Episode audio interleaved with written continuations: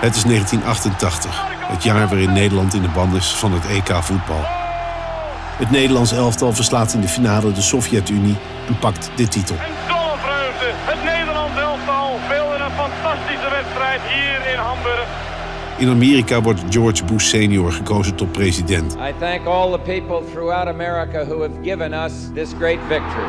Maar in Duitsland is men bezeten van een bankoverval. Die de geschiedenisboeken ingaat als een van de meest gewelddadige bankovervallen ooit. Dit is de gijzeling van Gladbeck. In deze podcast duiken we in een bankgijzeling in Duitsland in 1988. Wer sind Sie denn bitte? Jawohl, der Bankräuber. Bitte was? Der Bankräuber. Sie sind der Bankräuber? Deze gijzeling zal later door journalisten worden gezien als een gitzwarte bladzijde. Alte Drecksau, geh da oben weg, sonst knallt die Was ist jetzt?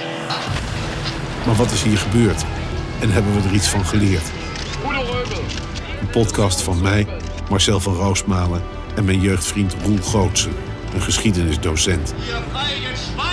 Samen met Roel maak ik een roadtrip door Duitsland om te spreken met betrokkenen en te zoeken naar antwoorden op onze vragen. Het was natuurlijk helemaal van de gekken dat men in Duitsland de verslaggeving zeg maar, op die manier een gezicht kon krijgen. Dus er zat om over te praten, dat kan niet. Dat is onbestaanbaar. Een podcast voor BNM Vara en NPO Radio 1.